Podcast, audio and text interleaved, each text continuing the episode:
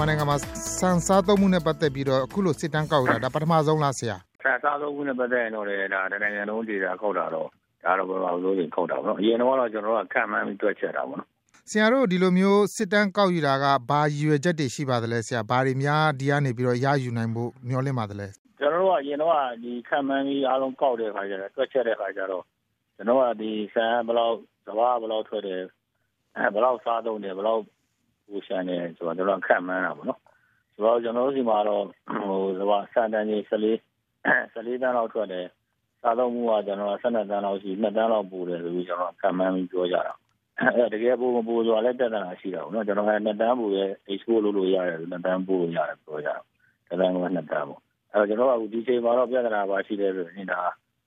ဒီနှစ်မှာလည်းဒီ LEO ဖက်တွေပါလေလာပဲကမ္ဘာ စားရေးခါရ shortage ဖြစ်နေတယ်ဆိုပြီးပြောကြတာလည်းရှိတယ်ပေါ့နော်အဲကျွန်တော်တို့ဒီမှာတကယ်တမ်းပူပူရလားမပူရလားတိကျမသိဘူးပေါ့နော်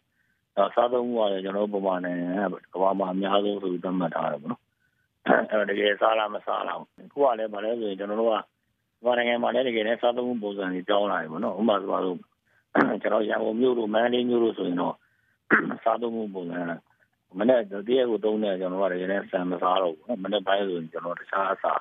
စားကြတာများတယ်ပေါ့နော်ရန်ကုန်ဆိုအဲ့လူကြီးကဒီ9တန်းကျော်6တန်းနီးပါးရှိတယ်ဆိုတော့ဒီနိုင်ငံတန်းပါဆန်ပေါ့အဲ့တော့ကျွန်တော်ကဒါရေးဒီစာတိမှခါကြမှာကျွန်တော်ကခုနဟိုကျွန်တော်တို့ပြန်ဆန်ထားတယ်ဆိုရင်ဘယ်လောက်ထားတင်လဲဘလားကထားမှန်းလားကထားမှန်းလားကဘယ်လောက်ကုန်မလဲစားပြီပေါ့နော်ဒါတွေတွက်ချက်လို့ရမယ်ဒီဘက်မှာလည်း ဟိုရှန်တယ်ဟိုရှန်မှုဆိုတာလည်းဒါတွက်ချက်လို့ရမယ်လို့ကျွန်တော်မြင်ပါတယ်ကျွန်တော်တို့သိရတာကဆရာတို့အခုစစ်တမ်းကောက်မြန်မာနိုင်ငံစံစဘာတင်းချုပ်ကကောက်မဲ့စစ်တမ်းကဟိုအဓိကဘလို့အချက်တွေပေါ်အခြေခံပြီးကောက်ပါမလဲဆရာကျွန်တော်တို့သိထားတဲ့အချက်တွေနဲ့တဘောကဝင်ငွေဟောပေါ်ဘလောက်စားသုံးတယ်လဲဝင်ငွေဘလောက်ရှိတယ်လဲဘလို့ဆံမျိုးစားတယ်လဲဆိုတာတွေလားဒါမှမဟုတ်ဘလို့အချက်တွေပေါ်အခြေခံပြီးဆရာတို့ဟိုပါစစ်တမ်းကောက်တဲ့အချက်တွေကဘယ်လိုအချက်တွေလဲဆရာအဲပါလာတော့ခုနစားစားသုံးမှုတွေကျွန်တော်တို့ ပါတယ်ဒီဘက်မှာလည်းခုနကျွန်တော်စိုက်တဲ့ဟိုလေနမားတွေဘယ်လောက်စိုက်ကြိုးတယ်ဝင်ငွေဝင်ငွေဘယ်လောက်ရတယ်နောက်ကျွန်တော်ရဲ့ဝင်ငွေရဲ့ဘယ်လောက်ရရင်တော့ဒါအစားအစာပေါ်မိကိုနေရတယ်ပေါ့နော်ဆိုတော့ဝင်ငွေရဲ့30ရာခိုင်နှုန်းလား20ရာခိုင်နှုန်းလားဆန်တော့သုံးဆွဲနေရတယ်။အဲဒီရဲတို့များကျွန်တော်တို့ဆန်နောက်စားသုံးတဲ့ကျွန်တော်တို့ဆန်ဘာမျိုးစားပေါ့နော်။နောက်တကယ်လို့ကိုကလက်ရှိစားသုံးနေရတဲ့ဥစ္စာပဲတုံးမို့ဒီရဲ့ဝင်ငွေပိုရရင်တော့ဘယ်လိုဆန်မျိုးပြောင်းလဲစားစားတော့မယ်ဆိုတာပေါ့နော်။ ဒါတွေလည်းပါပါတယ်။နောက်တော့လက်ရှိကျွန်တော်ဖြေဆိုတဲ့လူတွေခြေခံဆက်လက်တွေဖြစ်တဲ့ပညာရေးချင်းတို့နောက်ဒိုးချင်းဝင်ငွေတို့ဒါတွေရတဲ့လူတွေရောက်ပါသွားပြီးသားဖြစ်မှာပေါ့နော်အခုလိုမျိုးစစ်တမ်းကောက်ယူလိုက်တဲ့အတွက်သဘောကလည်းသမားတွေတစ်နှစ်မှာဘယ်နှဧကထွက်တယ်အဲ့ဟာသူတို့အရင်ဘက်ကိုဘယ်လောက်ဘယ်နေရာခိုင်နှုန်းပြန်ပါတယ်သူတို့အမြတ်ကဘယ်လောက်ရတယ်မိသားစုစားသုံးစီဘယ်လောက်ကုန်တယ်ဆိုအဲ့တော့အဲ့လိုမျိုးတွေသိလာပြီဆိုရင်ဆရာတို့ကလက်သမားတွေဝင်ငွေတိုးအောင် အမျိုးမျိုးကောင်းတဲ့စဘာတွေစိုက်နိုင်အောင်ဆရာတို့ကူညီထောက်ပံ့ပေးဖို့ဒါမှမဟုတ်နီလန်းရှာပေးဖို့ပံ့ပိုးပေးဖို့ရှိသလားနောက်တစ်ဖက်မှာအဲ့ဟာနဲ့ဆန့်ကျင်ဘက်ဟိုဖြစ်တာဒီစားသုံးသူတွေဘက်ကရောဘယ်လိုသဘောထားမလဲစားသုံးသူတွေအကုန်ကြတက်တာအောင်ဘယ်လိုဆန်တွေကိုအကျိုးပါပေါ့အာဟာရပိုရှိအောင်စားသုံးမယ်ဆိုတာတွေရောဆရာတို့အဲ့နောက်ဆက်တွဲတွေပါလာမလားဆရာကျွန်တော်တို့ကတော့ဒါတော့စစ်တမ်းကောက်တဲ့ကိစ္စတော့ဒါလက်ရှိအခြေအနေမှန်ကိုသိရှိအောင်လုပ်တဲ့ဟာပဲပေါ့နော် အဲ့တော့လည်းဘောအခြေခံပြီးတော့မှဒါကျွန်တော်တို့ကတော့ဒီလေသမားတွေအနေနဲ့ခုနလက်ရှိအနေထားမှာဟိုဖြစ်တဲ့ဈေးတခုပေါ့ဗျာဟိုကျွန်တော်တို့ကနှစ်ပိုင်းဖြစ်နေအောင်လယ်သမားတွေကတော့ဆန်ဈေးစပါးဈေးတက်တာတော့သူတို့တို့အဆင်ပြေတယ်သူတို့လည်းပဲတစ်ဖက်မှာစားသုံးတဲ့ပြည်သူတွေအနေနဲ့ကြတော့ဒီစပါးဈေးဆန်ဈေးတက်တဲ့ကိစ္စ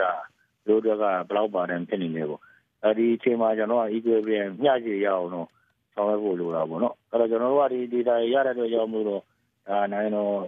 ဖွဲ့စည်းတော့မဲ့ဒါအစိုးရတဲ့နဲ့ကျွန်တော်ညှိနှိုင်းပြီးဆောင်ရွက်သွားမှာပေါ့နော်နော်နိုင်ငံကဖွဲ့စည်းနေဆိုတော့ကျွန်တော်တို့စိုက်စိုက်ကြိုးတွေကဘယ်လိုမျိုးတွေစိုက်နေရဲနေကြတဲ့ပြည်သူတွေဈေးကွက်လိုအပ်ချက်ကဘယ်လိုစဘာမျိုးတွေလိုအပ်တယ်။အဲဒါကကျွန်တော်ကပြည်တွင်းမှာတော့ဘယ်လောက်စားသုံးတာသိတဲ့အတွက်ကြောင့်မလို့ကျွန်တော်ကဒီကဟိုဘယ်လောက်ရောင်းချလို့ရတယ်အဲရောင်းချလို့ရတဲ့ဈေးကွက်ကိုဘယ်လိုလုပ်မလဲပေါ့နော်။ဒါတွေကိုကျွန်တော်တို့ကသိရှိရမှာဖြစ်တယ်။နောက်တစ်ခါလေသမားတွေကိုအတွက်လည်းခုနပြောတဲ့ဘလို့ ဈေးကွက်လိုအပ်ချက်ရှိတဲ့မျိုးတွေကိုပြောင်းလဲစိုက်ပျိုးနေအောင်ကျွန်တော်ကကူညီပေးဖို့အစီအစဉ်ရှိပါတယ်။အဲတော့ဒီဘက်မှာလည်းကျွန်တော်ဘာလုပ်နေလဲဆိုရင်ကျွန်တော်အားဖြည့်အာဟာရဆန်ပေါ့နော်ဒါလည်းကျွန်တော်တို့ဒီ lift fan နဲ့ကျွန်တော်ကူညီနေပဲကျွန်တော်တို့ဆောင်ရွက်နေတာမျိုးတွေရှိပါတယ်ဒါတော့ကျွန်တော်ကဒီဆန်ထဲမှာအာဟာရ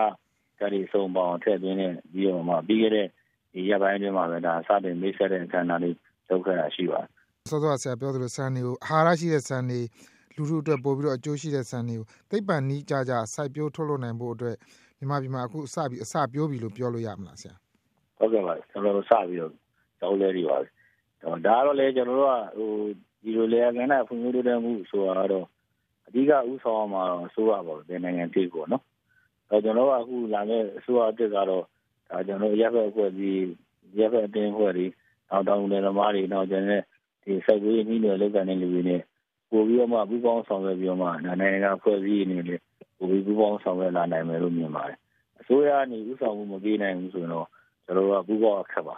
နိုင်ငံကအဖွဲ့အစည်းတွေရတယ်အစိုးရစီပဲသွားတာပေါ့နော်အစိုးရအစိုးရလည်းစိုက်ပျိုးရေးဆိုင်ရာဝန်ကြီးဌာနသူတို့ရဲ့ interest ပေါ့နော်စိတ်ဝင်စားမှုပေါ်မူတည်တယ်သူတို့စိတ်ဝင်စားတာတရားမျိုးမဟုတ်ဘဲနဲ့တခြားမျိုးတွေစိတ်ဝင်စားတယ်ဥပမာဆိုတော့ကျွန်တော်ဆက်မျိုးတွေဒါ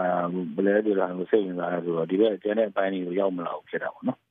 ဟုတ်ကဲ့ဆရာဒီဟိုစစ်တမ်းအတွက်ကုန်ကြစရိတ်ဘာညာအားလုံးကတော့မြန်မာနိုင်ငံစံစပါအသင်းချုပ်ကပဲကုန်ကြခါမှာပါဟိုစစ်တမ်းကောက်တာတော့လက်ရှိပေါ့နော်ကျွန်တော်တို့ဒီစံစပါအသင်းချုပ်ကဥဆောင်ပြီးတော့ဒါစံကုန်တွေတင်းနေနောက်တစ်ခါစစ်တမ်းကောက်တဲ့အဖွဲ့အစည်းကတော့ဒါစိုက်ပျိုးရေးတက်လို့ဒါနေရာစီးပွားဌာနအနေပြီးတော့ဒီနောက်တာတော့ပေါမခါတော့တော့တည်င်းကြီးနဲ့ဥဆောင်နေတဲ့ဒီဆရာဆရာမတွေအကြောင်းသားတွေနဲ့ကျွန်တော်တို့ကောက်ကိုလုပ်နေရပါအဲဒါကြောင့်မို့ကျွန်တော်တို့ကဒီစစ်တမ်းတော့ဘာလို့ဖြစ်ဖြစ် ဒီတိုင်းပြည်တွေဒီဥပဒေရောမဆိုရတဲ့တော့တောက်တဲ့နေရာနေပြီးအထောက်အကူပြုမယ်လို့ကျွန်တော်တို့ကမျှော်လင့်ပါတယ်အဲဆိုရတဲ့နေနဲ့လည်းဘာလို့ဖြစ်ရလာတဲ့ဒီဒီဓာတ်တွေပေါ်မူတည်ပြီးတော့မှတိုင်းပြည်တွေဒီနေရာဆိုင်ဝေးကဏ္ဍတွေဓမ္မတွေတော့ကောင်းမွန်တဲ့မူဝါဒနဲ့အကောင့်တွေပေါ်နိုင်မယ်လို့ကျွန်တော်တို့အနေနဲ့မျှော်လင့်တိုက်တွန်းလိုပါတယ်